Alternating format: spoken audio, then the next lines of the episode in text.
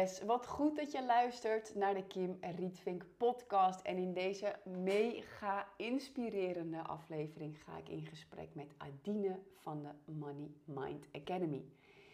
We hebben het echt in een heel mooi gesprek heen en weer met vragen en antwoorden ehm, over hoe het ons gelukt is om een vrijer leven te creëren. Wat hebben wij nou gedaan? En hoe is het begonnen? En heel praktisch ook voor jou. Wat is nou de allereerste shift die je te maken hebt, ongeacht het punt waar je nu staat, om een vrijer leven te creëren en meer vermogen op te kunnen bouwen? Nou, wat daar sowieso ook bij komt kijken zijn natuurlijk belemmerende overtuigingen. We delen heel open en eerlijk waar we zelf doorheen zijn gegaan. Maar ook ja, in het maken van andere keuzes hoe zijn we dan omgegaan met externe invloeden en meningen van anderen? Ik vertrouw erop dat je hier echt massive inspiratie en nieuw perspectief uit kunt halen. Door alles wat we delen in alle open en eerlijkheid. En ook de hele praktische boekentips die we je geven in deze aflevering. En we zouden het heel erg tof vinden en onwijs waarderen dat je ons tagt wanneer je deze podcast luistert. Of hebt geluisterd of hebt gekeken via YouTube natuurlijk. Tag ons dan eventjes. Maak een printscreen of deel hem via Instagram Stories. Tag mij, Kim Rietvink. En tag Adine via Money Mind Academy. Heel veel luisterplezier en we wensen je heel veel inzichten, nieuw perspectief en waarderen het ontzettend dat je één actie wilt ondernemen tijdens of na het luisteren of kijken van deze podcast. En dat je hem deelt in je Instagram stories en ons tagt. Ciao!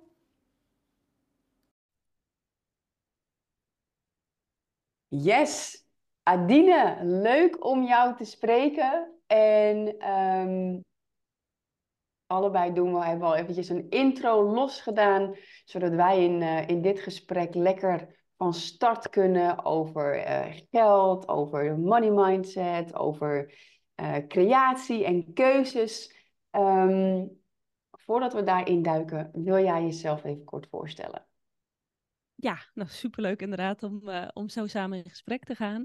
Ik ben Adine, um, Money Mindset Mentor. Ik werk met Human Design. Daar weet jij ook heel veel vanaf, heb ik inmiddels wel begrepen. En ik help mensen met geld verdienen op de manier die het beste bij hun past. En ik maak dat heel praktisch, maar ik kijk ook heel erg naar de persoonlijke kant. Dus hoe zit het met geldovertuigingen? Um, hoe zit het met je persoonlijke energie? En ik kan daar uren over praten. Dat gaan we straks doen. Nou, waarschijnlijk geen uren, maar zo even kort. Dat is uh, wat ik doe. Ja, super cool. Um, nou, ik ben ook heel erg benieuwd naar jouw verhaal, want je hebt ook allemaal mooie... Nou, e-, eerst, eerst even jij, hè? Want er zijn ook mensen die... Ja, zeker Ja, ik ben Kim Rietvink. Um, ik uh, woon op het prachtige Bonaire, want dat is er voor mij een van de dingen geweest uh, wat mijn droom was uh, voor een ultiem vrij leven. Woon op een tropisch eiland met wit stranden en palmbomen. Dus nou, in de afgelopen zes jaar heb ik daar allerlei keuzes voor gemaakt. Uh, van uitloondienst, eigen bedrijf. Um, daar stap voor stap uh, nieuwe keuzes gemaakt, veel lef gehad, risico's genomen. En ik uh, mag nu zeggen dat ik echt een heel vrij leven leef. En in business begeleid ik ondernemers om een bedrijf te laten groeien van een één op één aanbod naar meer schaalbaarheid. Um, ja, zodat ze gewoon meer mensen kunnen helpen en zelf ook vrijer kunnen leven. En um, nou, ik werk inderdaad ook met human design. Ik ben niet echt de teacher daarin, maar ik geloof echt dat het een essentieel energetisch onderdeel is van de tijd waarin we leven. En um, ja, ik ben ook heel gelukkig getrouwd. En uh, ik werk denk ik nu nou, drie dagen per week. En um, ik vind het heel leuk wat ik doe. En ik heb ook ontzettend veel zin om lekker met jou in gesprek te gaan. Uh, om samen zo ook mensen te inspireren met wat er allemaal mogelijk is en hoe dingen mogelijk gemaakt kunnen worden. Ja, heel mooi.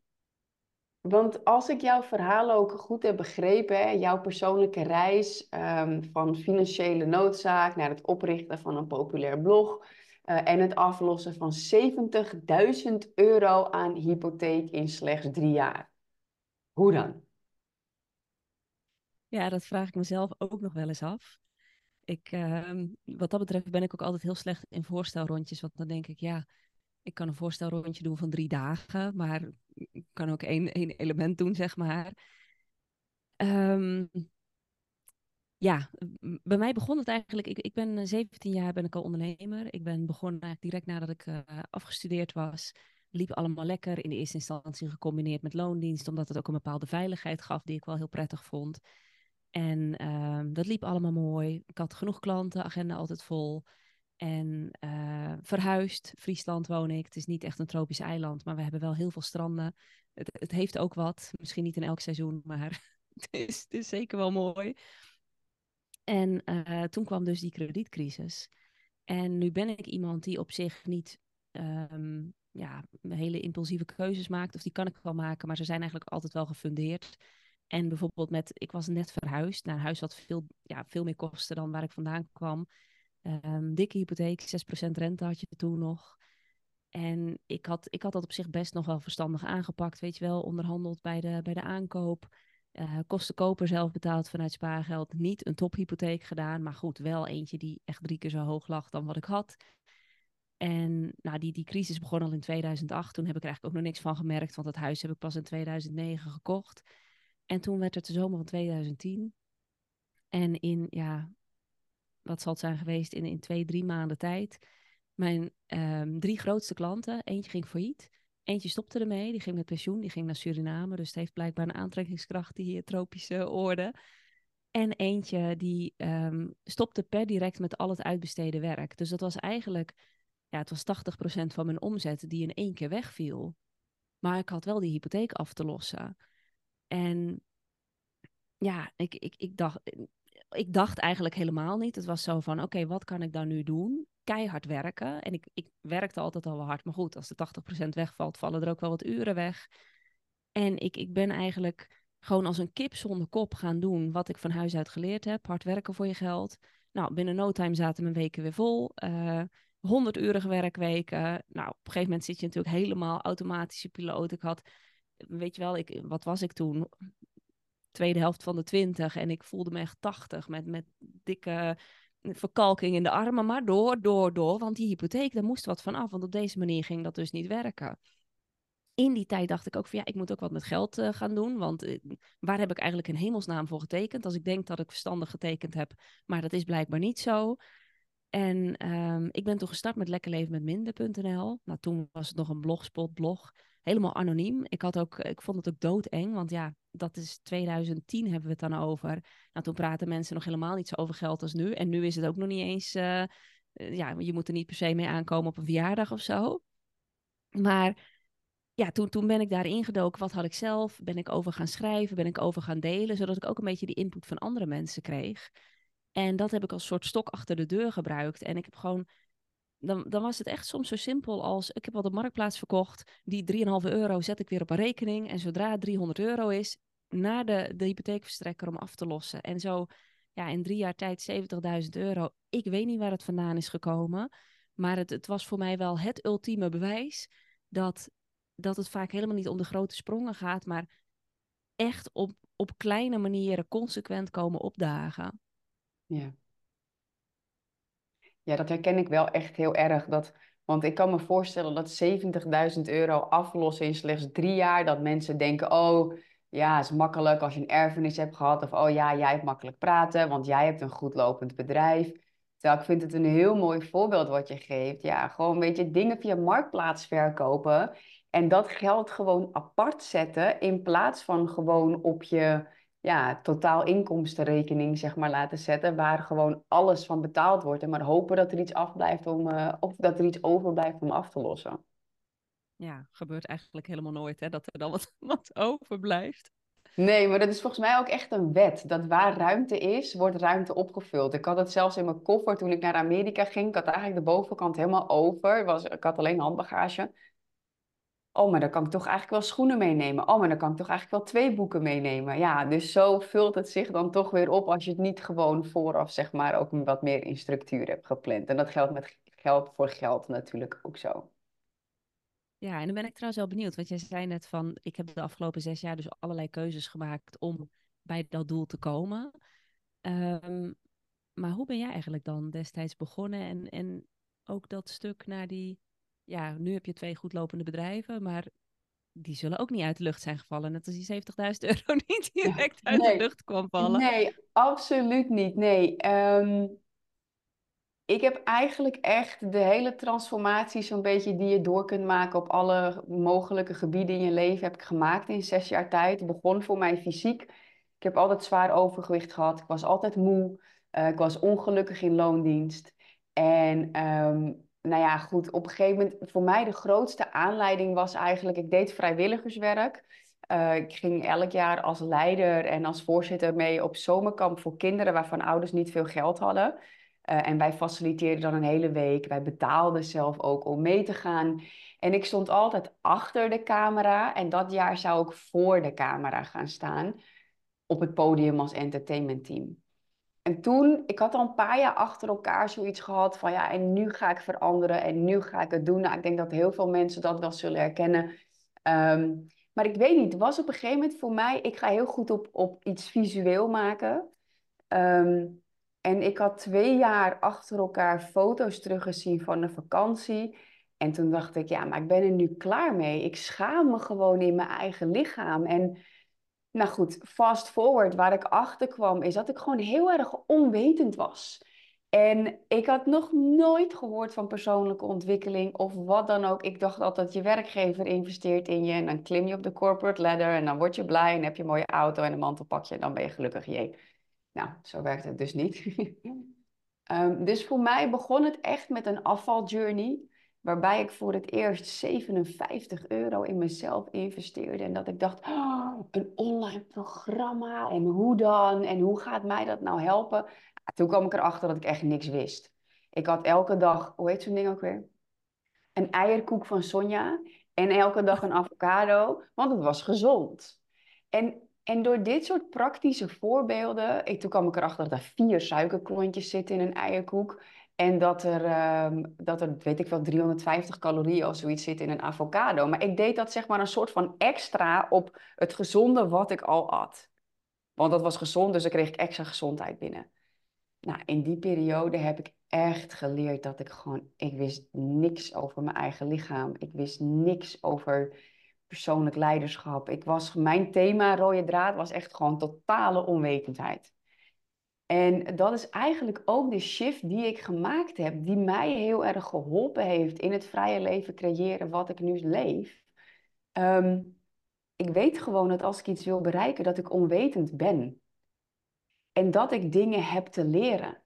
En dat was met afvallen zo. Ik ben toen 20 kilo afgevallen in twee jaar tijd. Toen dacht ik, nu ben ik slank, nu ben ik gelukkig. Jee, nou, toen ging ik onderuit met een burn-out, want please gedrag. Um, ik kreeg steeds een strakkere band om mijn hoofd. En ik werd gewoon echt afgerekend op het feit dat ik voor het werk sportte en niet werkte. Uh, want dan hoorde ik, ja, maar als je voor het werk kan sporten, kun je ook wel extra werken. Ik had totaal niet geleerd om grenzen aan te geven of iets en wist ik allemaal niet. En zo ben ik eigenlijk stap voor stap eerst online programma's gaan volgen, want dat vond ik heel veilig, want ik vond het spannend en ik schaamde me voor mezelf dat ik dat allemaal, dat ik zo onwetend was, want ik dacht de hele wereld weet dit. En toen kwam de Law of Attraction ook eigenlijk op mijn pad met jij creëert jouw werkelijkheid en je gedachten creëren je leven. En toen dacht ik, ja, doei. Dat kan allemaal niet waar zijn, want ik heb niet mijn eigen overgewicht gecreëerd en ik heb niet mijn eigen burn-out gecreëerd. Maar toch was er iets dat dacht van ja, maar ja, ik dacht ook over afvallen dingen. En nu heb ik dat geëxperimenteerd. En dat is enorm geshift. Nou ja, dat was voor mijn burn-out ook zo. Ik dacht, nou, universum, je kan wel zeggen, jij creëert jouw werkelijkheid, maar laat maar eens zien dan. Toen ben ik echt gewoon toe gaan passen wat ik leerde van Abraham Hicks, vanuit online programma's. Um, en toen kwamen we aan het eind van 2017. En uh, toen ging ik op transformatiereis naar Bali. En daar nam ik echt het besluit van, weet je, ik ga me niet meer laten leiden door geld. Want dat had ik wel gedaan. Ik had een goede baan, ik verdiende goed, veel spaargeld, daardoor op kunnen bouwen, zodat toen we een huis gingen huren, konden we dat mooi inrichten. Um, maar toen in Bali besloot ik van, ik ga me niet meer laten leiden door geld, maar door mijn hart. En ik ga voor mezelf beginnen. Maar dat moest ik niet doen, want dat duurt drie jaar en ik kwam net uit een burn-out. Dus eigenlijk alle mensen die iets vonden, konden vinden, ook mijn arbeidsdeskundige, moet je niet doen, want je hebt nog een jaar recht op 100% eh, salaris. Ik kon niet meer. Ik kon gewoon ook niet meer terug in loondienst. Ik, ik werd fysiek ziek. Dus ik dacht weer, nou universum, laat maar eens zien dan. En toen ben ik eigenlijk gestart met een besloten Facebookgroep. Maak van 2018 jouw fitste jaar ooit. En daar ging ik gewoon delen. Ik ging gewoon delen. Ik werkte met daten, denken, ademen, trainen, eten en niksen. Dus ontspannen. Ehm, en ik ging delen en ik ging delen. Gewoon mijn reis, wat ik had geleerd van Michael Pilacic, van, van Matthijs Bos, eh, heel veel, zeg maar, ook levenscreatiecoaches. Ik had NLP gedaan, loopbaancoachingsopleiding gedaan. Ik denk, ik ga gewoon delen. Ga gewoon delen. En toen binnen vier maanden kreeg ik een aanvraag van een stel van, hé ja, jullie zijn goed bezig, want Mark, mijn man, was sporttrainer. En zo is het balletje gaan rollen. En toen zei ik, nou, dan maken we toch een online programma, want online programma's waren hip. En ik ben heel erg door eigenlijk de shit die ik heb meegemaakt. En zo diep als ik in de put heb gezeten. Ik had paniekaanvallen, ik durfde niet meer naar buiten. Ondanks dat ik eigenlijk fysiek gezonder was dan ooit qua gewicht, was ik mentaal gewoon echt een wrak. Dat ik dacht van, kan toch niet slechter worden. En als dit faalt, nou ja, dan is dat maar zo. Dus zo ben ik eigenlijk super bold, ben ik risico's gaan nemen. Um, eerste online programma, 97 euro voor alleen werkboeken. Ehm, maar daardoor kwam ik wel in een momentum. En toen dacht ik, ja, maar ja, werkboeken, ja, spreek ik nog niemand, draag ik nog niet bij, want dat was wat ik heel graag wilde. Nou, toen ben ik één op één aan gaan bieden, maar ik had die groep. En ja, ik vond dat leuk. Dus ik denk, nou, ga ik één op één aanbieden. Nou, had ik meteen vier klanten. Dus op een gegeven moment, ik was wel heel snel klaar met lifestyle, want ik had zoiets van, ja, weet je, I nailed it, het is nu onderhouden, ik zit daar zelf minder in. Nou, toen shift ik naar loopbaancoaching best wel snel. Omdat ik zoiets had van, ja, weet je, maar vrijheid zit meer dan in je lichaam, maar ook echt in je carrière. Maar ik kwam er al heel snel achter, ja, ik wil nooit meer in loondienst. Dus ik kan mensen wel helpen naar een, een baan, maar dat voelt voor mij niet aligned. Maar omdat ik zo snel groeide en ik deelde alles met via Instagram en dan zat ik weer, hey, mag ik een fotootje maken? En dat er heel snel ondernemers op mijn pad kwamen die zeiden: Hoe doe jij dat? En ik heb gewoon vanaf het allereerste moment dat ik begon met mijn business, eigenlijk nog voor ik ingeschreven was bij de KVK, heb ik geïnvesteerd in een business coach, Ninke van der Lek. Um, omdat met afvallen was het me niet alleen gelukt. En ik wist dat ik onwetend was. Met mijn burn-out wist ik ook, ik heb hulp nodig, want ik heb geen idee hoe ik hieruit ga komen. Maar er zijn vast mensen die het wel weten. En met mijn business werd het daardoor veel meer een soort van vanzelfsprekendheid om meteen te, om meteen te investeren. Omdat ik ook gewoon heel veel ondernemers gewoon stuk zag gaan. En mijn regel is energy first, al vanaf het begin. En ik dacht, ja, ik kan zelf aanmodderen en lanterfanten, maar er is gewoon iemand die dit al heeft gedaan. Ja, en zo ging het super snel. Ik, ik focuste me gewoon echt op sales en marketing vanuit mijn leven. Hoe ik, nou ja, goed, ik ben een projector, dus voor mij is het heel logisch eigenlijk om gewoon mijn leven te delen. Ik ben ook een 5-1, dus ik ben ook een, echt een, een mentor daarin. Ehm, ja, en zo ben ik heel snel eigenlijk gegroeid door ehm, te beseffen dat ik onwetend ben daar, maar wel met de drive om snel te willen groeien. Daarin een shortcut te pakken door van iemand te leren die al bereikt had wat ik wilde bereiken. Ja, en ik ben gewoon heel goed in dingen implementeren. Ehm, ook door NLP en spirituele journeys. En gewoon heel veel ja, zelfbewustzijn en persoonlijk leiderschap eigenlijk opgebouwd. Ehm, en ik, ik train mezelf echt om door de angst heen te bewegen. Zoals het verkopen van ons huis. Ja, ik wist al twee jaar dat ik het moest verkopen. Wist ik al en ik durfde het niet. Ik was te attached. Mhm. Ja, en op een gegeven moment kwam er echt een moment van... En nu is het klaar. Want als ik dood zou gaan, waarvan heb ik dan spijt dat ik het niet heb gedaan? Nou, dat was het jaar daarvoor mijn droomauto kopen. Had ik wel gedaan. Toen heb ik gekozen ervoor om niet 50.000 euro te investeren in een coach, maar om mijn droomauto te kopen. Dus dat heb ik gedaan. Toen was het wel een beetje, ja, nu dan? En toen was het, ja, als ik echt eerlijk ben, dan wil ik wel op een tropisch eiland wonen met witte stranden en palmbomen. Dus super bold ons huis te koop gezet. De makelaar dacht dat we een grap maakten voor kerst. Die zei, nou, die, ik zie jullie wel het nieuwe jaar. Hij was langs geweest. We zeiden, willen te koop zetten. Eind januari stond het online. Uh, begin april tekenden we de overeenkomst toen we op Bonaire zaten. En uh, in juli zaten we hier op Bonaire. Met een huurhuis wat we binnen 24 uur hadden gefixt. Totaal niet zelf bedacht. Dat is echt een hele spirituele journey geweest. Maar echt door de angst heen bewegen. Uh, ontzettend veel hulp inkopen eigenlijk. Um, en ik geloof heel erg growth happens in stages, want ik praat hier wel over een periode van zes jaar. Ik ben niet van overnight manifestaties en uh, uh, kan wel, er kunnen hele magische dingen gebeuren, maar echt je leven zo shift zoals ik heb gedaan, ja, dat vraagt gewoon tijd hier op aarde, zeg maar. Um, dus ja, dat zijn eigenlijk veel elementen die ervoor gezorgd hebben dat ik nu dat ik nu zo mag leven. Mooi. En ook wel ja, ik, nogmaals, ik zit niet op, uh, op Bonaire momenteel. Maar die, ja, op een gegeven moment loop je inderdaad tegen de muur aan. En dan is het toch, blijf ik hangen in de structuur zoals ik hem ken. En zoals eigenlijk bijna iedereen om je heen zegt, ja, zo moet het. En, uh, want anders is het onveilig. Dus het is natuurlijk ook vanuit een goede intentie. Ja. Maar waarvan je wel weet van, ja, dit, dit, dit werkt voor mij gewoon niet meer. En dit, dit moet anders. Ja. ja. Hoe is dat voor jou geweest? Want ik heb ook, nou ja, wat ik vertelde, ook wel echt veel um, ja, kritiek gehad. Niet zozeer van, me, van mijn moeder of zo, van mijn directe familie. Niet echt, meer eigenlijk van buitenstaanders. Um, die vonden altijd allemaal wel wat, altijd. Nog steeds. Steeds een beetje meer soms. Maar hoe ben jij daarmee omgegaan? Want ja, jij bent ook een ander pad gaan bewandelen. Heb jij daar last van gehad, mee te maken gehad? Uh, zeker praten over geld, gaf je al aan. Ik vind dat heerlijk en heel normaal, want we mogen wel praten over afvallen en verhuizen, maar niet over geld, vind ik raar. Maar hoe, hoe is dat voor jou geweest met de externe invloeden? Ja, dat vind ik ook altijd heel frappant. Dat je op een verjaardag zeg maar wel thuis kunt komen met allerlei intieme informatie over iemands darmflora, maar uh, niet gewoon een normale vraag over geld kunt stellen of zo. Dat is altijd heel bijzonder. Um, nou, kijk, ik, ik kom wel uit een ondernemersgezin. Dus de belang, ik, ik, ik heb wel in loondienst gewerkt.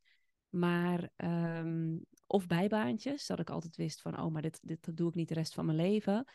Um, of ik heb ook een paar jaar dus bij, in het bedrijf van mijn broer gewerkt. En had ik eigenlijk alle vrijheid om mijn eigen bedrijf verder uit te bouwen. De, de belangrijkste reden dat ik ook nooit in loondienst heb gewerkt, zeg maar volledig en alleen. Ik had geen flauw idee hoe dat werkte, hoe ik op die manier moest functioneren, zeg maar. Want ik heb dat voorbeeld niet gehad. Dus het stuk ondernemerschap, daar heb ik zeker in de beginperiode nooit zoveel kritiek op gehad. Um, maar ja, inderdaad, het stuk over geld. Vandaar dat ik, heb dat blog denk ik wel zeven jaar anoniem gehad. Um, maar ook toen ik mijn bedrijf om ben gaan gooien. Dus ik, ik, ik had toen dat geld allemaal afgelost. Uh, een stukje financiële motivatie was toen weg. En financiële motivatie, dat kan gewoon heel sterk werken. Dan kun je echt wel van, nou, ik moet, ik moet, ik moet. En toen viel dat weg. En toen had ik dat eigenlijk best wel lekker voor elkaar. Behalve dan dat ik gewoon compleet opgebrand was. En ik kon het, omdat het van, voor het geld niet meer per se hoefde, kon ik het gewoon niet echt meer uit mezelf halen. En toen dacht ik, ja, dan wil ik gewoon wat anders gaan doen, wat ik heel leuk vind. En waar ik ook veel meer, eigenlijk ook wat jij noemde, waar ik veel meer het idee heb dat ik iets bijdraag en dat ik verschil maak voor mensen. En dat het niet soort is van ja, ik, ik, ik sta hier ook nog ergens onder aan de voedselketen iets te doen. Maar het maakt eigenlijk niet uit of dat ik het doe of dat iemand anders het doet of dat het misschien wel niet gebeurt. En toen kwam ik dus bij, um, ja, toen heb ik eigenlijk een soort combinatie van dat blog wat over geld ging. En dat ik daarin dus zelf heel erg merkte. Ik was zo gefocust geweest op die praktische kant, op dat geld aflossen, op die, die maandlasten naar beneden krijgen. Dat ik uh, ook op een bepaalde manier in de schaarste terecht was gekomen. Dus op het moment dat het niet meer per se hoefde en dat er meer vrijheid zou moeten zijn, voelde ik die dus helemaal niet. En dat was voor mij echt het begin van, oh, maar hoe zit dat? Ik ben toen ook NLP-opleiding gaan doen. En wat daar voor mij toen echt het meeste uitkwam, dat ik dacht van, er is dus, dus iets als overtuigingen. Je bekijkt de wereld dus op een bepaalde manier. En wat ik zie, dat zie jij misschien wel helemaal niet. En dat was zo'n, echt zo, wow. Dus wat ik dan altijd zie als, ja, zo, zo erg ben ik dan wel, uh, gezond verstand. Ja, dat is, dat is helemaal niet gezond verstand. Dat zijn ook gewoon weer overtuigingen. En zo kwam ik eigenlijk zelf bij die twee kanten van, ja, geld, dat is, geld gaat eigenlijk bijna nooit over geld. Het gaat eigenlijk altijd om heel veel andere dingen. En als mensen dat wat meer zouden um, weten, zouden begrijpen, zouden gebruiken, dan zou er denk ik een heleboel veel mooier kunnen zijn. Zouden veel meer dingen kunnen stromen. En ik ben dat gaan samenbrengen. Maar dat betekende wel dat ik dus eigenlijk afstapte van ik verdien mijn geld door mijn tijd te geven. Of ik verdien mijn geld door een product te geven. Ik ging eigenlijk naar ik verdien mijn geld met uh, mijn kennis delen, met mijn verhaal delen, met mijn ervaring delen. En ja, dat waren mensen om mij heen niet gewend. Want die zaten heel erg in, ja, je moet toch een product hebben, want dan heb je inkoopprijs, een marge erop en een verkoopprijs. Of je tijd, ja, dat is ook logisch. Mensen betalen voor je tijd. Maar ja, wel tot op zekere hoogte, want als je echt heel veel met je tijd wil verdienen, dan moet je wel weer de meest unieke persoon zijn in dat vakgebied en dan moet je alles weten. Ja, dat ben je natuurlijk ook niet. En dat was wel echt een stuk van, dat krijg ik nog steeds wel eens te horen van, ja, wat, wat doe je nou eigenlijk? En dan heb ik zeg maar, dat is zo'n aparte gewaarwording. Dan heb je aan de ene kant heb je echt klanten voor wie je gewoon echt life-changing bent. En aan de andere kant, ja, ik snap er niks van hoor. Ik, ik, ik, ik snap echt niet dat, je, dat mensen jou ergens geld voor geven. En het is geen product en het is niet je tijd.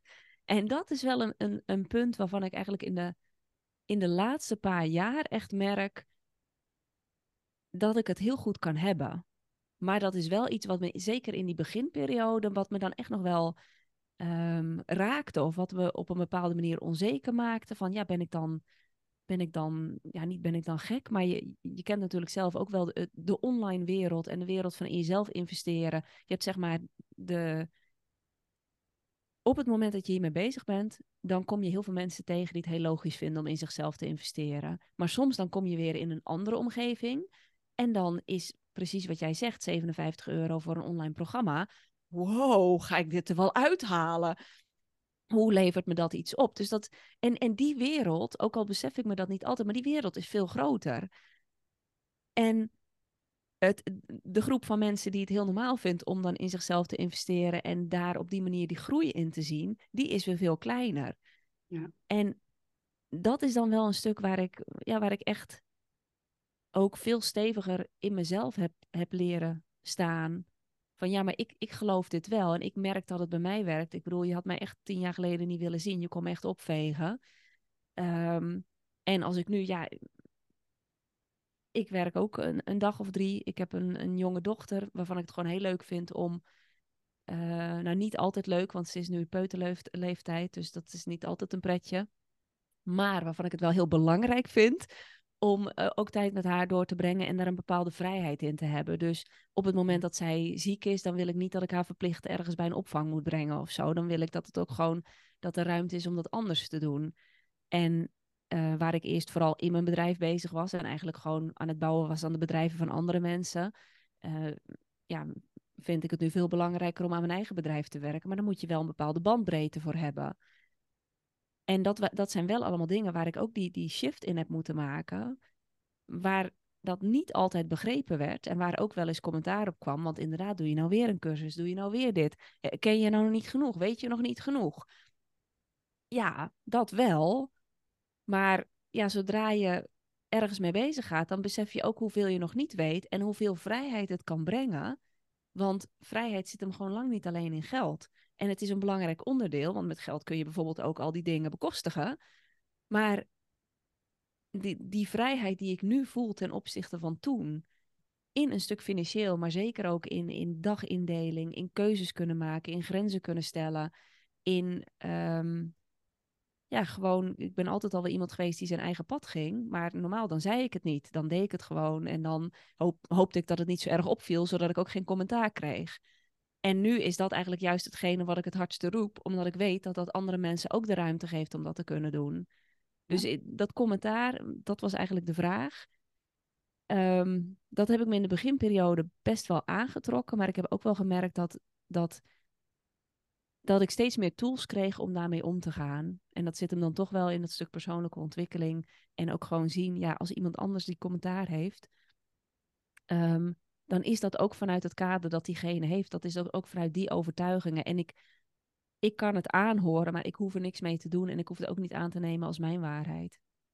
Nee, heel mooi. En ik, wat ik zelf daarin ook heb gemerkt, is eigenlijk dat ehm, vrij recent eigenlijk nog, dat hoe meer commentaar ik krijg op mijn visie, dat je je leven als basis hebt en je bedrijf daaromheen bouwt. Nou, ik snap wat dat in verschillende branches anders is. Maar ik geloof dat er mogelijkheden zijn. Ik merk daardoor dat ik daar juist kritiek op krijg. Dat ik eigenlijk nog meer erachter kom wat mijn echte waarheid is. En dat dat mijn echte waarheid is. Dus ik vind het wel mooi ook wat je zegt. Ehm, ja, door die persoonlijke ontwikkeling, door eigenlijk basisbeginselen um, van je eigen grenzen, je eigen visie, daar sterk in staan. Ehm, ja, die, je zegt ook, hè, vrijheid is veel meer dan geld, dat je eigenlijk ook gewoon die innerlijke vrijheid bent gaan creëren. Ja, ja en het is, dat vind ik van jou ook mooi. Jij zegt van dan, als ik die, dat commentaar krijg, maar je krijgt eigenlijk commentaar op iets wat je zegt, maar je doet het ook. Er zijn natuurlijk ook een heleboel mensen die iets zeggen en die een plaatje neerzetten, maar die het niet doen. Ja. Maar op het moment dat je het zelf doet en dat je het zelf doorleefd hebt en dat je gewoon weet ja, het komt gewoon niet allemaal uit de lucht vallen. Het is niet allemaal in een uh, Ibiza-jurk op het strand rennen. Het, het, is ook consequent voor jezelf opkomen, opkomen dagen en, en, en voor anderen. En dan, ja, ja ik, je zal mij echt niet horen zeggen dat het leven helemaal maakbaar is. Maar ik denk wel dat we soms te makkelijk denken dat het ons overkomt. Je kunt altijd kiezen in de manier waarop je ergens mee omgaat. En dat maakt wel alle verschil vaak voor de volgende stap die je wel of niet zet. Ja, ik heb dat letterlijk ervaren, weet je, want hè, mijn verhaal van zes jaar is natuurlijk prachtig en alles lukte en afvallen en beter worden in bedrijf en snel groeien, ton in mijn eerste jaar, 250.000 in mijn tweede jaar, nou allemaal hartstikke halleluja. Maar die, die snelle groei was eigenlijk heel leuk, maar jij zegt ook, ja, toen je die aflossing had gedaan, uh, voelde je je eigenlijk helemaal niet echt vrij, terwijl er, om, terwijl er was minder financiële noodzaak. Dus er was minder druk, maar toch eigenlijk ook minder vrijheid. En dat is wat ik zelf heb ervaren toen wij ons huis verkochten. Want er kwam in één keer 250.000 euro gewoon cash vrij. En ik dacht gewoon, hé, hey, ik ben klaar jongens. Hey, dit is het gewoon. Ik ga hier in mijn manifestation villa die we hadden gemanifesteerd. Zelfde kleur als mijn vision board. Dus het was helemaal meant to be. Dat, ja, ik ben gewoon klaar. En ik ben gewoon een projector, weet je. Dus ik ga gewoon wachten op de uitnodiging. Maar dat en ik dacht dat ik fulltime moeder wilde worden. Dus ik zat en te wachten tot een nieuwe business uitnodiging kwam. Er was financieel totaal geen noodzaak om iets te doen. Ook een groot risico om uh, bijna de helft in crypto te investeren, zodat dat voor ons kon gaan werken. Ik voelde me helemaal niet vrij, terwijl er geen financiële noodzaak was. En, en dat vond ik echt een heel. Het was eigenlijk bijna anderhalf jaar vond ik echt best wel heel zwaar. Ik heb me natuurlijk eerst gedacht, als ik slank ben, dan ben ik gelukkig. Als ik uh, uit mijn burn-out ben en als zelfstandig ondernemer ben, doe wat ik leuk vind, daar geld mee verdienen, ben ik gelukkig. Nou ja, had ik ook heel snel. Toen had ik dat ik had mijn droomauto, ik had dat huis, ik had dat geld. En bij mij is het ook, ik ben zo snel gegroeid door die, die ehm, wat jij ook zegt, die dingen in jezelf zien, vinden, zien. Het is niet van mij, het is van het ander. Het is slechts het wereldmodel of de overtuigingen van de ander. Ik kwam ook op een periode in die fase dat ik dacht van ja, nee ja. Weet je, het is goed zo. Ik heb keihard aan mezelf gewerkt. Ehm, weet je, die, die financiële onafhankelijkheid, die had ik al heel snel. En die vrijheid toen ook. Maar dat vind ik heel grappig, omdat ik gewoon heel erg zie. Ik werk zelf met drie pijlers: vrijheid, vermogen, verbinding. En dat heel veel mensen vermogen en vrijheid eigenlijk samen doen. Want hè, als ik dan meer geld verdien, dan ben ik vrij. En ergens ben ik heel erg blij met die innerlijke tools. Maar ik kwam ook op het punt dus dat ik dacht van, ja, ik ken die tools, ik heb het allemaal toegepast, maar ik kwam op het punt, op een gegeven moment moet je het gaan onderhouden. Net als hè, je, ja, de, de standaard cliché opmerkingen, net als je sixpack moet je een financieel vrij leven en een vrij leven waarin je gelukkig bent en hè, vrijheid is meer dan geld, dat je op je eigen voorwaarden leeft, vraagt gewoon onderhoud. En daar kwam ik echt op een punt dat ik dacht van, nou, maar hier heeft niemand het over. Want het is allemaal manifesteer en meer geld en vrijheid op jouw voorwaarden. En ik dacht, ja, maar ik heb het. We kochten een vrijstaande villa met privé zwembad. En dat was bizar weer hoe dat gebeurd is, zeg maar. En dus zat ik daar in mijn zwembad. En toen dacht ik, en nu dan? Ik ben 35, ik heb bereikt wat ik dacht dat ik zou bereiken als ik 65 ben. Ik was intern niet echt gelukkig. En om, ik vind het heel mooi wat jij zegt, daar moet ik er ook aan denken. Ehm, het blijft wel die dingen doen. Het blijft gesprekken aangaan. Het blijft opkomen dagen. En het onderhouden van die overtuigingen. Want ik heb echt gemerkt dat het heel makkelijk is als je niet in jezelf investeert van overtuigingen, affirmaties, et cetera, om de persoon te blijven die je wilt zijn, ja, dan word je zo weer meegezogen in het collectief. En ja, ik was bang, ik was echt bang dat ik alles kwijt zou raken. Dus ik heb dat ook echt. Heb... Ja, dat is veel groter, die wereld om je heen, zeg maar groter dan dat je dan beseft. Ja, zeker. En dat ik ergens ook de overtuiging kwam van shit, had ik maar weer financiële noodzaak. Want dan was ik gedreven en dat was voor mij echt weer een next level. Waar ik eigenlijk, nou, ik heb in, nou, we nemen deze op in december. Um, ik heb in september heb ik een lancering gedaan van mijn nieuwe programma echt met Elko de Boer aangewerkt. 50.000 euro privé mentoring. Ik, ik, wist het echt niet meer. Ik dacht, dit moet me gaan helpen.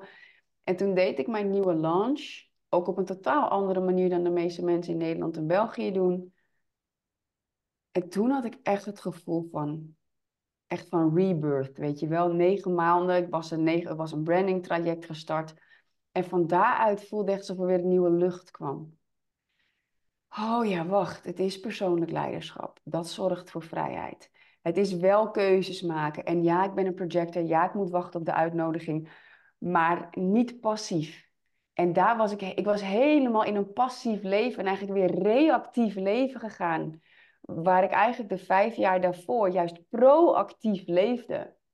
Waarmee ik niet bedoel keihard 100 uur per week werken, maar gewoon proactief mijn leven creëren, keuzes maken, spanning, verantwoordelijkheid nemen, et cetera kwam ik er toen ook echt achter, dit heeft eigenlijk niks met geld te maken. Alles komt in de essentie gewoon neer op wie je bent, wel wat je wil bereiken, maar hoe handel je daarin? En toen kwam mijn vrijheid opeens weer terug, want de financiën gingen gewoon nog steeds hartstikke goed, maar daar had het niks mee te maken. Maar ik deed weer mijn ochtendritueel. Ik ging weer, ik trainde wel al veel, maar ik deed weer mijn affirmaties, ik deed weer schrijven, ik deed weer visualiseren. En ergens denk ik, het is zo simpel eigenlijk, hè, aangezien vrijheid veel meer is dan geld. Want ongeacht hoeveel geld je hebt, iedereen kan naar YouTube een visualisatie doen. Iedereen. Iedereen kan affirmaties uitschrijven en ze elke ochtend oplezen. En het hoeft wat mij betreft echt niet allemaal wilskracht of discipline als dat niet helemaal past. Het is gewoon, het is gewoon een feit. Dat moet je doen. Wil je vrijer leven, zijn er gewoon essentiële elementen die je moet doen. En die geen geld hoeven te kosten. Nee, en, en, en dan is het, iedereen kan het, maar wie doet het? Want het is mhm. zo makkelijk om het niet te doen. En dan is natuurlijk een hele grote groep mensen die hier nog nooit van heeft gehoord. Dus, dus die dat ook niet kan weten. Maar goed, dan kun je er natuurlijk ook naar op zoek gaan. Maar ik kan me wel voorstellen dat het ingewikkeld is om te zoeken naar iets waarvan je niet weet dat het bestaat. Maar als je al ziet dat het voor. Want ik, ik heb zelf ook wel van dat soort periodes gehad dat ik. Ja, dat, dat ik echt heel veel moeite had om, om juist die kleine gewoontes waarvan ik weet dat ze goed voor me zijn, om ze dan vol te houden. Ja. En dan denk ik van ja, als, als mensen zoals wij, die dat weten en die er hele positieve ervaringen mee hebben, als die het al moeilijk vinden om dat altijd op de rit te houden, ja, dan, dan het, het is niet moeilijk, maar het is zoveel makkelijker om het niet te doen. Maar het hoeft niks te kosten. Het, ja, en, en zelfs aan tijd. Maar het, dat vind ik voor jou wel een mooie wat je ook benoemde met dat je bepaalde keuzes maakt. En volgens mij maak, maak je altijd wel hele bewuste keuzes in dingen. Maar dit is ook een keuze maken. Ehm, zeg je dat je de tijd niet hebt of sta je een uur eerder op zodat je die tijd wel creëert? Ik bedoel, ik, ik, dat zei ik net, ik heb ook een jong kind. Ik ga s morgens om vijf uur uit bed, zodat ik één of twee uur de tijd heb voordat iedereen wakker wordt. En vind ik dat leuk om altijd om vijf uur op te staan? Nee, natuurlijk niet, want ik moet dan ook op tijd naar bed, anders ik heb mijn slaap nodig. Maar ik weet wel, als de dag eenmaal begonnen is, dan komt het er niet van. Dus als ik het belangrijk genoeg vind om dat te doen, dan moet ik die keuze maken. En dan, dan moet ik het mezelf zo makkelijk mogelijk maken om dat te kunnen doen. Dus op tijd naar bed. En uh, ja, gewoon eruit rollen voordat mijn verstand aan kan gaan en kan gaan denken, dit wil ik niet. Ja. Maar dat, dat zijn wel keuzes. En ik denk als je. Het heeft mij altijd wel heel veel vrijheid gegeven om te beseffen dat ik dus keuzes had. Ik heb ook heel veel in situaties gezeten dat ik het gevoel had geen keuze te hebben. En dat ik het maar weer moest doen met de omstandigheden. Um, ik, ik, ben op mijn zeventiende door heel Nederland verhuisd, zeg maar, van het, uh, van het westen naar boven in, uh, in Nederland. Um, toen woonden we er net een paar jaar, zijn mijn ouders gescheiden, waar je ook eigenlijk helemaal, ja, heb je geen invloed op. Ik heb uh, heel lang een hele ongezonde relatie gehad. En natuurlijk heb je daar enerzijds een, een keuze in, maar anderzijds, als je echt in overlevingsstand zit, ja, dan, dan is er helemaal geen ruimte voor keuzes maken. En, en, en zo zijn er wel meer dingen dat, dat, dat ik heel sterk het gevoel had, ja, ik, ik moet maar het beste maken van waar ik in zit. Maar de keuze maken om het anders te doen, is er niet. En dit, dit zijn dan grote dingen, maar je kan het ook op heel veel kleine vlakken hebben. Van, oh ja, ik heb een jong kind, dus het is nu eenmaal zo een paar jaar. Of uh, ja, ik ben nu eenmaal niet alleen, dus ik kan niet. Nou, volgens mij zag ik jou laatst op Instagram voorbij komen. Jij bent ook wel van de, de reisjes ook alleen, volgens mij. Maar het is heel makkelijk om te denken: ja, ik heb man en kind, ik moet thuis blijven, ik kan nu even niet reizen. Maar het zijn allemaal keuzes. Ja. ja, en daar geloof ik ook echt in. Weet je, ik sta ook om, uh, om vijf uur op, moet ik zeggen. Nu is het even, ik zit nu dan in mijn derde trimester van het tweede. Dus ik merk dat ik ook wel heel makkelijk op discipline door kan gaan en om vijf uur eruit en mijn ochtendritueel doen. En dat mijn lichaam gewoon letterlijk nu om iets anders vraagt. Dus dat is bij mij ook nog wel een beetje de balans houden. Maar ik denk dat het daarin ook heel erg belangrijk is om echt eerlijk te zijn naar jezelf. Met doe je wat je tegen jezelf zegt. Want in die periode dat ik eigenlijk nou ja, de weg kwijt was en meer geld had dan ooit, maar me minder vrij voelde dan ooit. Ja, maar ik doe toch mijn ochtendritueel ik doe toch lezen. Terwijl als ik heel eerlijk was, wachtte ik tot mijn dochtertje wakker werd. Nou, die is nu drie. Ehm, en dan ging ik haar aankleden en zo. Maar ik werd daar eigenlijk best wel zenuwachtig van, omdat ik die tijd voor mezelf niet eerst had genomen. En dan ging zij naar de opvang en dan ging ik wel tijd voor mezelf nemen. Maar dat was dus eigenlijk ook een, een beetje een mindfuck wat mijn brein deed van ja, maar ik doe het toch. En ik denk dat dat voor sommige mensen ook best wel ehm, lastig kan zijn om daarin jezelf echt in de spiegel aan te kijken. Met alle tools die je al hebt. Maar doe ik het ook echt? Doe ik het ook echt op de manier waarvan ik weet dat het werkt? Want als ik eerst uit bed ga en dan doe ik alleen twee minuten meditatie, twee minuten visualisatie, één bladzijde lezen, één bladzijde schrijven, dan ben ik verbonden met mezelf voordat mijn dochtertje wakker wordt. Doe ik dat niet en doe ik het half als zij er is of als zij al naar school is, dan doe ik niet waarvan ik weet dat het echt werkt. En dat heeft voor mij ook echt een enorm verschil gemaakt om echt eerlijk naar mezelf te kijken van, ik weet het, ik doe het, maar doe ik het ook echt op de manier waarvan ik weet dat het werkt? Dat antwoord was toen gewoon heel eerlijk nee. Dat is best wel confronterend, vond ik. Ook dat ik me best wel schaamde naar mezelf toe. Van ja, je doet het wel, maar toch niet. Weet je, ja, 90% leeft gewoon ongelukkig eigenlijk. Niet zo vrij als ze zouden willen. Maar ja, ik deed niet wat de 10% deed. En daarvan had ik wel zoiets van: oké, weet je, als ik ik leef al vrij, but there's more. Als ik more wil, happy where I am, eager for more. Ik kan wel zeggen ik ben eager for more, maar dan moet ik ook wel die persoon zijn. En nou ja, ik ben heel dankbaar dat dat proces nu gaande, uh, of eigenlijk in gang is gezet. Ehm, waarbij ik nog steeds had gehoopt dat er nooit meer angst of schuld of schaamte zou zijn. Maar toen ik alleen in Amerika zat, heb ik ook ja, naar mijn gezin vond ik het vooral heel moeilijk op het vliegveld zelf. Wat ik bijna heb gezegd van, nou, ik ga niet, maar ik ging toch. Weet je, dus ongeacht de angst of ongeacht, ja, ik voelde ik schuld. Ik maakte mezelf vooral heel erg belangrijk. Vanuit een soort van overleving dat ik dan veilig kon blijven, zeg maar. Maar er was een moment dat ik bijna naar huis zou gaan, dat ik eigenlijk op het vliegveld moest blijven slapen omdat er iets mis was gegaan met een boeking. Toen moest ik echt door angst en schaamte heen om uiteindelijk de mooiste manifestatie ever te krijgen. Dat ik in een hotel terecht kwam met van 5000 dollar per nacht, wat ik niet zelf hoefde te betalen. Ja, dat was echt, dit, dit is echt een notendopje, maar ik heb dat dus echt, dat is heel recent, vorige week dat ik echt op het vliegveld zat en dacht: ik wist it's this or something better.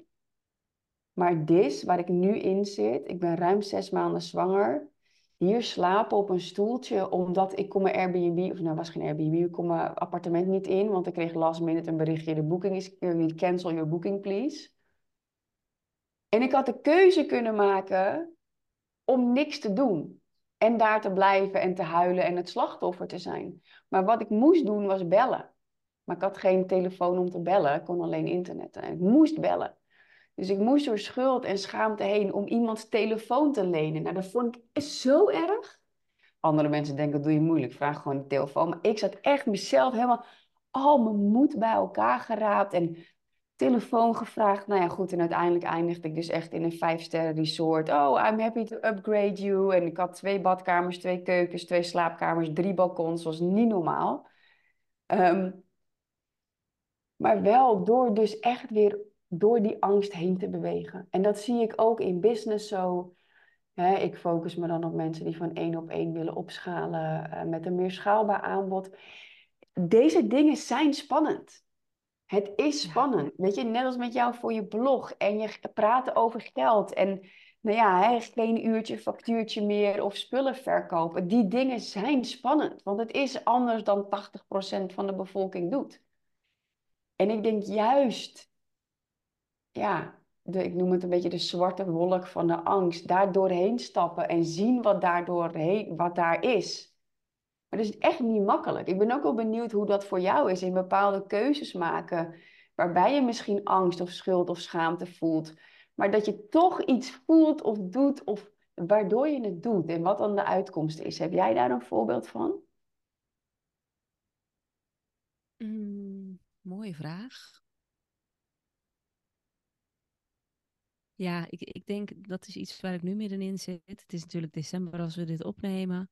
En ehm, ik heb altijd gedacht van, nou weet je, december hou ik vrij, want dan kan ik mooi het jaar afsluiten en het volgende jaar beginnen. En uiteindelijk kwam dat er nooit van, want december is ook de maand waarin iedereen zijn budgetten moest opmaken. Dus dan, dan werd ik nog allemaal uh, ingezet en dan moest ik nog allerlei werk doen. Nou, je zal het misschien wel kennen, is december de allerdrukste maand. En uh, nu doe ik dat dus wel. En wat ik dan heel erg merk is, ik, ik vind het dan heel leuk om vooruit te kijken, maar de belangrijkste ja, voor mij het belangrijkste in een plan maken voor een komend jaar is eigenlijk terugkijken. Maar terugkijken, ja, dat, dat, dat, dat vind ik leuk als het gaat om de hoogtepunten. Ik bedoel, ik heb een heel mooi jaar gehad, uh, allerlei hele bijzondere dingen gedaan. Uh, allemaal dingen, nou, als je bedenkt dat ik ooit dus een anoniem blog begonnen ben en als je weet hoeveel lezingen ik dit jaar heb gegeven, dan denk ik echt van, oké, want dat, nou, vond ik doodeng. Dus dat zou ik echt jaren terug. Ik had je vierkant uitgelachen als je dat had verteld. En zo zijn er, zijn er gewoon nog veel meer dingen. Dat is leuk om op terug te kijken. Maar ik weet ook dat er dingen zijn die ik uh, niet heb gedaan en die ik eigenlijk al jaren wil doen. En die dan toch weer niet gelukt zijn.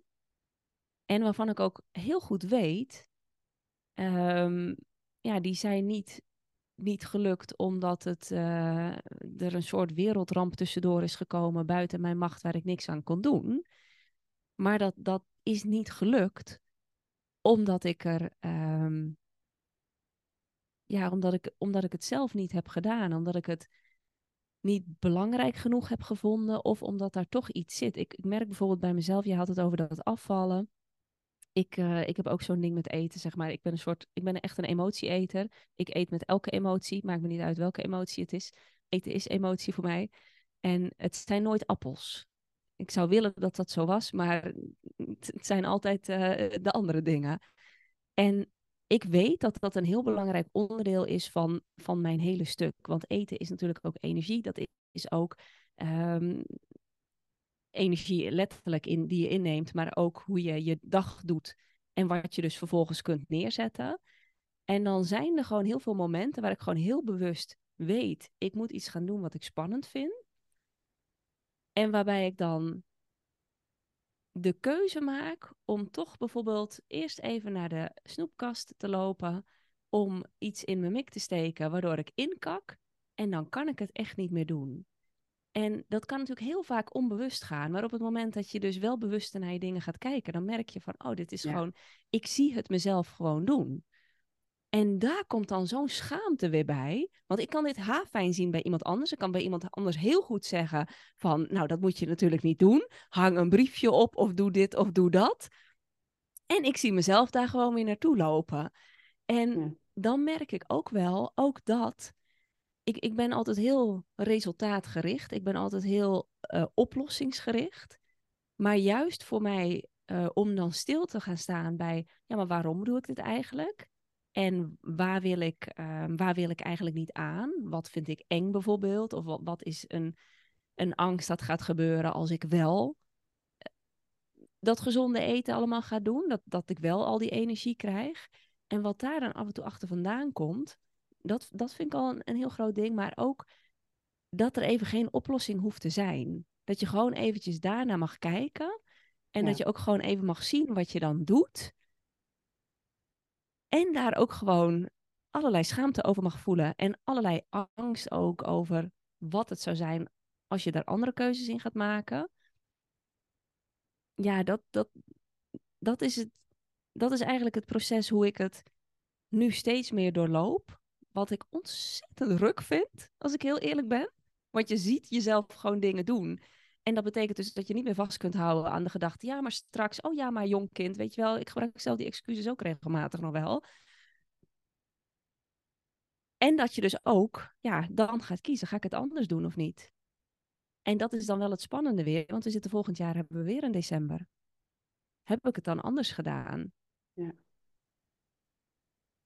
Ja, ik herken dat heel erg met eten. Ik ben zelf nu ook in, uh, want ik merkte met mijn zwangerschap dat ik glucose spikes kreeg, zeg maar. En dat ik dan echt bijvoorbeeld, maar eigenlijk heel simpel, na havermout met een appel ging ik echt heel slecht.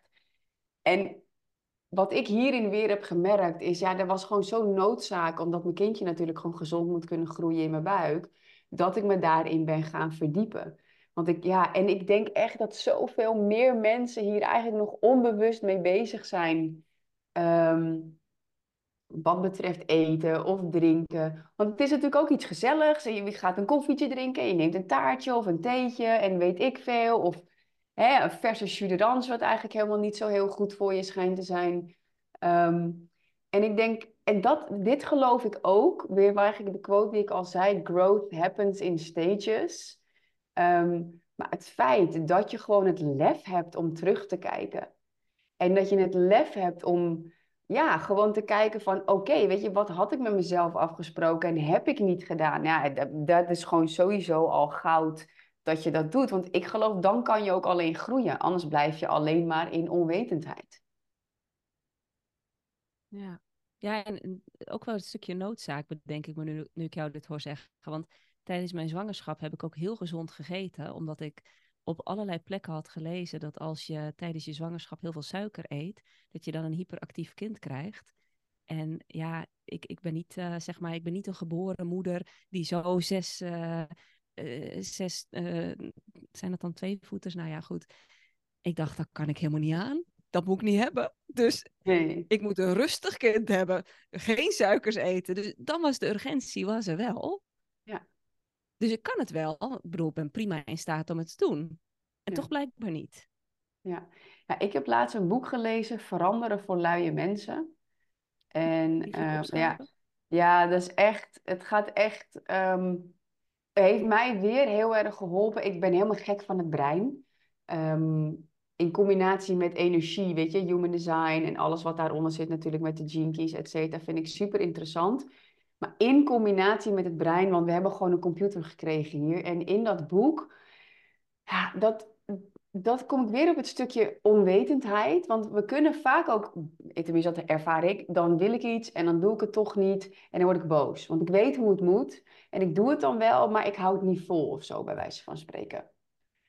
En door nu, door dat boek, weet ik ook gewoon dat het heel logisch is waarom het brein dat doet. En weet ik ook weer waarom consistent affirmaties doen zo belangrijk is. En daardoor krijgt alles veel meer, in plaats van echt alleen maar vanuit noodzaak. Ja, ik weet niet even in het Nederlands, maar it, it's making sense. Weet je, het, het krijgt meer betekenis dat ik ook de lading van lagere emoties, van schuld of schaamte of boosheid eraf kan halen. En dat ik ook gewoon kan zien van, maar, maar dit is dit deel van mijn brein. Dat wil wel, maar het andere brein, dat wil gewoon dopamine. Dus dat wil gewoon suiker. En het andere brein wil gewoon, het andere deel van het brein wil gewoonte routines. De enige manier waarop ik dat kan doorbreken is consistent iets te doen. En daardoor creëer ik gewoon een soort van passie voor mezelf. Want het is of noodzaak of een hele grote passie. Dat ik er nieuwsgierig ga zijn. Wat nou als ik dit honderd dagen ga doen? Wat gaat er dan gebeuren? En dus in plaats van heel erg vanuit pijn, net eigenlijk net als met marketingdingen uh, op de pijn, ga ik echt zitten op de nieuwsgierigheid. Net zoals nou Law of Attraction, laten we maar zien dan. Um, meer vanuit nieuwsgierigheid van welk level zou er dan beschikbaar zijn? Um, waarbij jij ook zegt, ja, wat als ik wel die energie heb? Die herken ik ook heel erg. Maar ik ben gestopt met dat dan te willen weten en nieuwsgierig te zijn. Weet je, net als met mijn business. Oké, ja, ik wil naar een miljoen opschalen. Heb ik ook al twee jaar lang gezegd. Maar ik was niet de persoon die deed wat hij moest doen om dat te kunnen bereiken. En nu denk ik, ik heb mijn plan gemaakt. Het is pretty easy met wat ik allemaal al heb staan. Maar ja, wat als het dan zover is? En nu denk ik, want daar ben ik heel bang voor geweest. Van, hé, wat als ik dat dan allemaal kwijtraak? Dan heb ik nog meer gebouwd. En, en nu denk ik, ik zie het wel. Ik ga gewoon weer in het proces. Weet je, en dat is eigenlijk wat ik altijd heb gedaan vanuit de nieuwsgierigheid. Hoe gaat het dan zijn? In plaats van die druk van ik moet seven figures of ik moet gezonder eten. Nee, wat zou het doen als ik deze journey aanga? Ik denk dat dat voor heel veel mensen ook de lading eraf kan halen. Want ik weet niet of jij dat herkent, maar ik wilde altijd heel graag de uitkomst al weten voordat ik ergens dan aan ging beginnen, zeg maar. Een beetje uh, één lijn uh, kenmerk. Uh, en ik, heb, ik ben nu gewoon nieuwsgierig. Ik denk nu gewoon, hey, ja, it's this or something better. En ben, ik ben, doe een beetje nonchalant, dat is het niet. Dat ik ben wel dan gemotiveerd, maar ik kan mezelf ook makkelijker toestaan om dan te experimenteren, te blijven experimenteren. Um, en door patronen en overtuigingen heen te bewegen. Weet je, want ja, opschalen naar een miljoen, ja, iedereen wil het wel. Maar volgens mij is maar 3% van de vrouwen haalt het. Ja. En echt maar, maar 8% of zoiets haalt, haalt six figures. Dus het wordt een nog kleiner deel. Dus eigenlijk zonder ik mezelf nog meer af. Dus dat vind ik eigenlijk ook wel heel spannend. En tegelijkertijd denk ik, maar dat is ook maar een verhaal. Want misschien is het gewoon heel lachen. Dus ik probeer het allemaal wat, wat lichter en wat joyvoller te maken. Om het ook vast te kunnen houden, zeg maar. Ja, en ik denk wat je daar zegt, dan ben ik wel even benieuwd hoe jij daarin staat. Want dat geloof ik zelf ook wel heel erg. Je moet wel iemand, iemand zijn om iets te kunnen doen. En je hoeft niet als die persoon geboren te zijn. Maar je moet je wel realiseren, als je inderdaad naar dat miljoen wil opschalen, dan, dan zul jij daar ook naar gekeken hebben. Wie moet ik zijn? Ook vanuit het plezier en vanuit de nieuwsgierigheid. Maar wie moet ik zijn om dat te kunnen doen? Want je, je zei net, ik, ik, ik deed niet de dingen die daarvoor nodig waren. Maar hoe is dat proces voor jou gegaan? Nou ja, kijk, dat, dat is echt gewoon ook mijn hele journey geweest. En waar NLP en familieopstellingen, wat ik ook heb gedaan, gewoon ontzettend veel aan heeft bijgedragen. Ehm, en gewoon de hele spirituele wetenschap, dat alles frequentie is. Dus als ik het nog niet ervaar, ben ik die vibrationele match niet. En en dat, dat is dat is enerzijds hè, be, do, have, zijn, doen en hebben. Ehm, maar ik heb ook een tijdje vastgezeten in wie moet ik dan zijn? Uh, wat moet ik dan denken? Uh, en wat moet ik dan doen? Maar vooral businessgericht en niet echt mijn gewoontes aanpassen. Um, terwijl ik nu echt ook zie dat dat being en dat doing, dat moet gepaard gaan. Dat, het zijn losse fases in de methodiek vanuit de Law of Attraction. Maar het, is, het gaat echt gepaard. Want je moet die keuze, je moet een bepaald vertrouwen opbouwen door inner work te doen. Maar je moet dan ook dingen doen. En een doen is ook een keuze maken. En is op tijd opstaan, is op tijd naar bed gaan, is je schermtijd beperken. Dus dat zijn allemaal doing dingen die horen bij een seven-figure entrepreneur. Tenminste, vanuit mijn visie, omdat ik ook vrij wil leven. En, en dat is echt waar ik dus ook eerst in ben stuk gelopen. Alleen maar wie moet ik zijn, zijn, zijn. En dan niet doen wat daarbij hoort. En is, het dan ook, is het dan ook zijn omdat je doet? Ja. Ja, ik geloof echt dat het veel meer een versmelting is dan het streepje wat er eigenlijk tussen staat. We do have. Hm. Omdat het, ja, het doing is zo verweven met het zijn. En ik denk ook, want dit zie ik ook bij veel mensen, het is ook makkelijk om je te blijven richten op het inner work van het being stuk, om maar niet op aarde dan echt te moeten doen. Want dan komt er weer. En, maar je moet het doen voor je het kunt hebben. En ik denk echt dat, ja, ik ben daar nu afgelopen maanden weer heel druk mee bezig geweest, omdat ik weet dat dat is wat in mijn eerste jaren echt het verschil heeft gemaakt.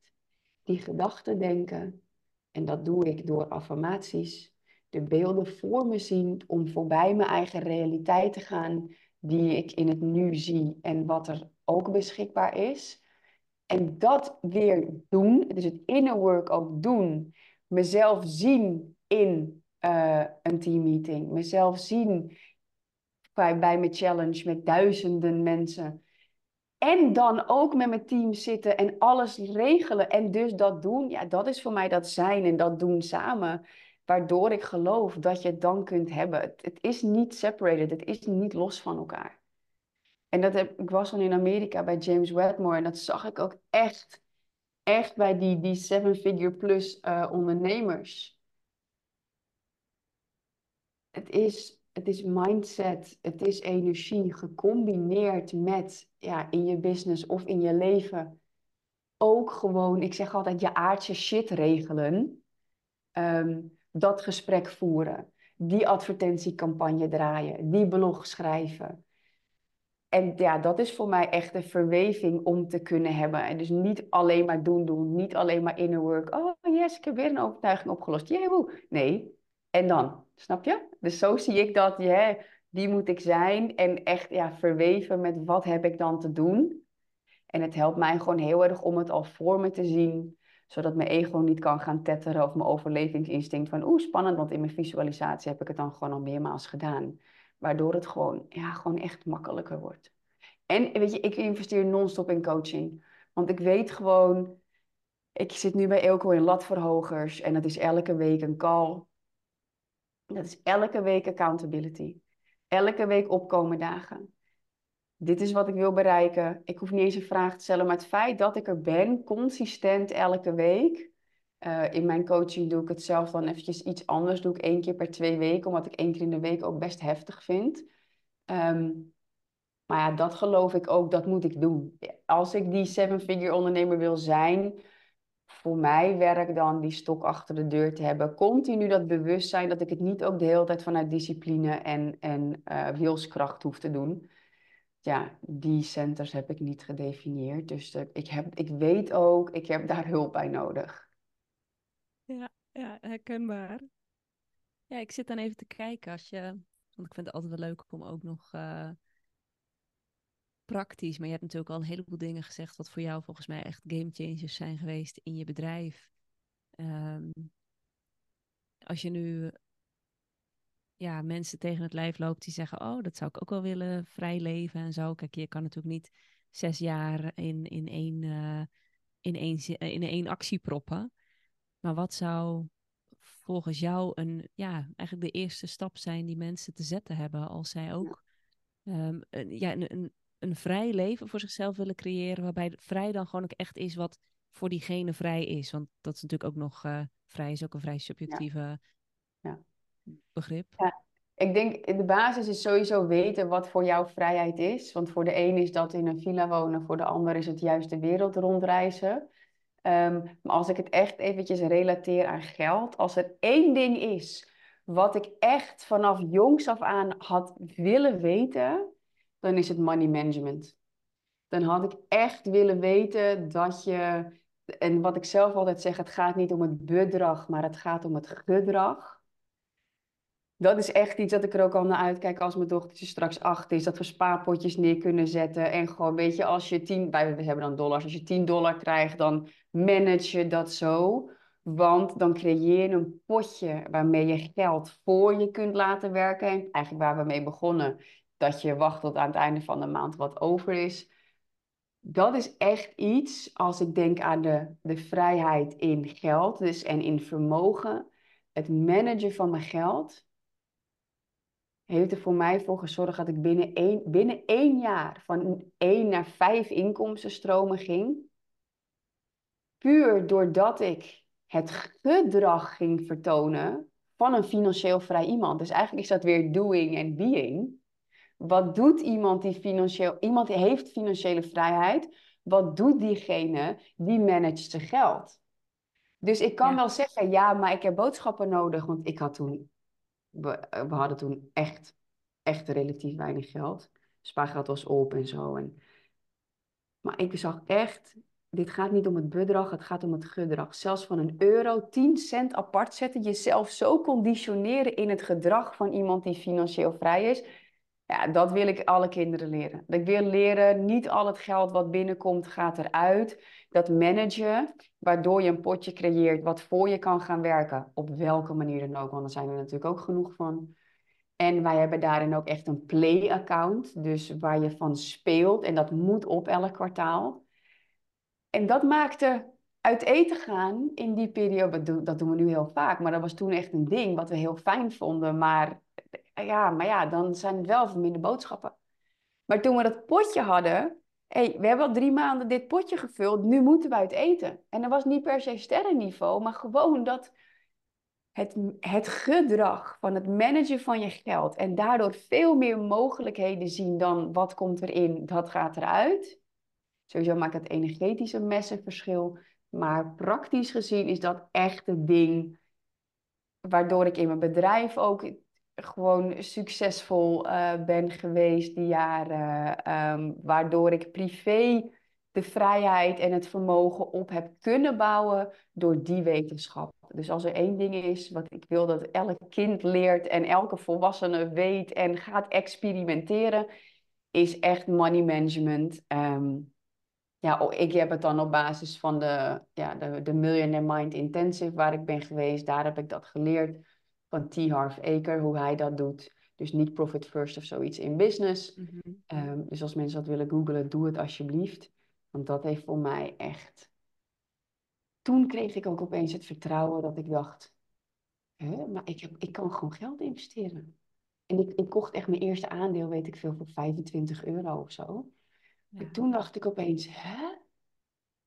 hè? Ik, kan, ik kan dit. Ik hoef niet te wachten tot ik tonnen heb om vastgoed te kopen. Maar geld kan voor mij werken. Dus ja, dat was voor mij echt zo'n epiphany in mijn leven, wat echt het verschil uh, heeft gemaakt en wat iedereen, wat mij betreft, zou mogen leren, ongeacht het bedrag dat je op je bankrekening hebt. Het gaat echt om het gedrag. Ja, mooie. Ja, ben, ben ik helemaal. Weet je wat het ook is? Als je het met een klein bedrag niet doet, dan ga je het met een groot bedrag ook niet doen. Nee, is echt. Plus, als je het met een klein bedrag niet doet, dan komt er ook zo'n groot bedrag niet. Nee. En dat zijn ook weer ja, keuzes. Kies je voor, voor, ja, voor het ene gedrag of voor het andere gedrag. Ja. Waar ik bij jou nog benieuwd naar ben, want ik ben altijd heel erg fan van boeken. Nou, ik zie bij jou ook een hele mooie stapel liggen. Dit is alleen mijn, mijn zeg maar, binnen korte termijn lezen. Ik heb ook nog hier naast mij binnen acute termijn lezen. En dan heb ik, ja, dit is echt, ik en boeken, gruwelijk. Ja, maar heb je dan, heb je één of twee boeken die je al gelezen hebt, waarvan je zegt, daar zat voor mij zo'n shift van perceptie in, of dat, dat inzicht uit dat boek maakte voor mij echt dat ik mijn leven kon veranderen of iets, of heb je dat niet zo? Ik heb wel boeken die, die heel mooi in, een, in mijn proces pasten en waarvan ik ook ehm, je hebt bijvoorbeeld je geld of je leven. Volgens mij is dat, ik weet niet of het in Nederland nog te koop is. Uh, maar anders is het uh, Your Money or Your Life. En daarin wordt eigenlijk heel duidelijk gemaakt um, hoe belangrijk het is om bewust met je geld om te gaan. In de zin van als jij ervoor kiest om. Ja, geld is energie. Dus op het moment dat jij ergens geld aan uitgeeft, dan, dan doe je daar iets mee. Dan gaat er iets van energie in zitten. Dan gaat daar je levenstijd in zitten. En geld kunnen we altijd bijverdienen, maar tijd in principe niet. En dat vond ik zelf een heel mooi boek, omdat, um, omdat het de verhouding mooi weergeeft. Enerzijds dat je soms heel veel geld uitgeeft aan um, ja, iets waarvan je dan vindt dat het per se moet of dat het sociaal wenselijk is of zo. Daar kun je andere keuzes in maken. Maar ook wel dat je, ik denk dat het zeker een beetje een vrouwenkwaaltje is, misschien juist wat te weinig aan de leuke dingen uitgeeft of wat te weinig aan jezelf, omdat je dan uh, denkt van ja, dat, dat moet dan aan mijn kinderen of voor later bewaren of weet ik veel wat. Terwijl eh, dat stukje show erin, dat stukje spelen, dat is ook super belangrijk. Dus van, van twee kanten is het eigenlijk altijd belangrijk om heel bewust met het geld om te gaan. Dus daar vond ik dat boek wel heel mooi voor. En um, wat ik ook een hele mooie vond, die is ook maar heel dun. Um, The Big Leap van ja. Gay Hendricks. En die gaat heel erg, en je kan hem op allerlei vlakken trekken, maar um, die gaat eigenlijk heel erg over de, de, ja, de, de, de beperkingen, de limieten die je zelf oplegt. En dat dat ook allemaal is. Dus het is eigenlijk een soort combinatie van, van NLP en van. Je zou het ook nog je, je energetische inko inkomsten, eh, plafonds en zo, dat allemaal bij elkaar. Dat vind ik ook echt een hele mooie. En verder ben ik ook wel, ja. Ik lees zoveel boeken, joh. Dat is, ja, dit, dit, is dan acuut lezen, maar hier staan dan stapels zeg maar, van drie keer zo hoog tegenover die ik dan wel heb gelezen. Ja ik denk wat dat betreft dat dat lezen altijd uh, zoveel mooie inzichten kan brengen. Maar da daarvan moet ik ook zeggen, dat is wel een les, dat is dan niet per se een boek. Maar dat is wel een les die ik echt, echt de afgelopen jaren veel meer toepas. Ik ben altijd heel erg een lezer geweest omdat -hmm. ik het dan, ja, dan dacht ik van, dan wil ik bijvoorbeeld dat resultaat. Dus ik lees dat boek, dan krijg ik dat resultaat. Maar ook daarin, je krijgt het niet als je er niks mee gaat doen. Dus Um, ik heb nu heel vaak boeken waar dan bijvoorbeeld vragen in staan of waar dan elk hoofdstuk uh, ergens mee afgerond wordt. Normaal lees ik dan door, want dan wil ik gewoon weten wat er komt. En nu zijn er dus ook boeken die ik bewust heel langzaam lees en die ik dan ja. s'morgens gewoon bij mijn journal leg en dat ik ook echt die vragen ga beantwoorden. En dat maakt dan ook weer zo'n verschil, want je kunt daarin jezelf ook super voor de gek houden van, ja, maar ik lees toch allemaal boeken. Ja, maar ik hoorde laatst een mooie uitspraak daarvan. Iets van, van kennis zonder toepassing is uh, ballast of zo. Iets, iets in die. Ja. En, en dat is het ook. Ja, je kunt het allemaal weten, maar als je er niks mee doet, dan heb je er ook helemaal niks aan. Nou, super oh, en een leuke, die komen nu. Die, die komen nu ja? even nog. Ja, ja. Um, ja. Nou, Dory Clark heet zij. En het is, het is een boek, iets met you, maar er, er zit iets bij van you. En als je meerdere inkomstenstromen wilt, op één manier. Ja. Het is niet reinventing you, maar het is. Ik zie stand out of the long nee. game. Nee, ik zal ook eventjes snel uh, googelen. Nou kan je wel zien, deze vraag was niet... Uh, niet voorbereid. Niet voorbereid. Even kijken hoor. Entrepreneurial You oh, cool. is het. En wat zij eigenlijk zegt, en dat vind ik wel een hele mooie, want je kunt, kijk, ik ben toen in die tijd dat ik zoveel moest aflossen, ben ik natuurlijk ook aan de slag gegaan met allerlei inkomstenstromen. Maar soms beten ze elkaar ook of kost het heel veel energie. En wat zij heel mooi duidelijk maakt, is dat je rond één vaardigheid, bijvoorbeeld één soort kennis of één skill, dat je daar heel makkelijk minimaal zeven stromen omheen kunt creëren. Ja. Zodat je als het ware je, je, je skills en je kennis op dat gebied verdiept. ehm, je focus op één ding kunt houden, maar toch de diversiteit erin hebt. De meerdere soorten klanten, de meerdere soorten stromen. Dus dat vond ik ook echt wel een. eh, ja, die heb ik een paar jaar terug cadeau gegeven aan alle mensen die in mijn programma eh, stapten. Dat vond ik echt een super mooi boek om dat op die manier eens te zien. Ja, heel mooi. Mag ik er zelf twee delen? Ja, ja, ja, graag.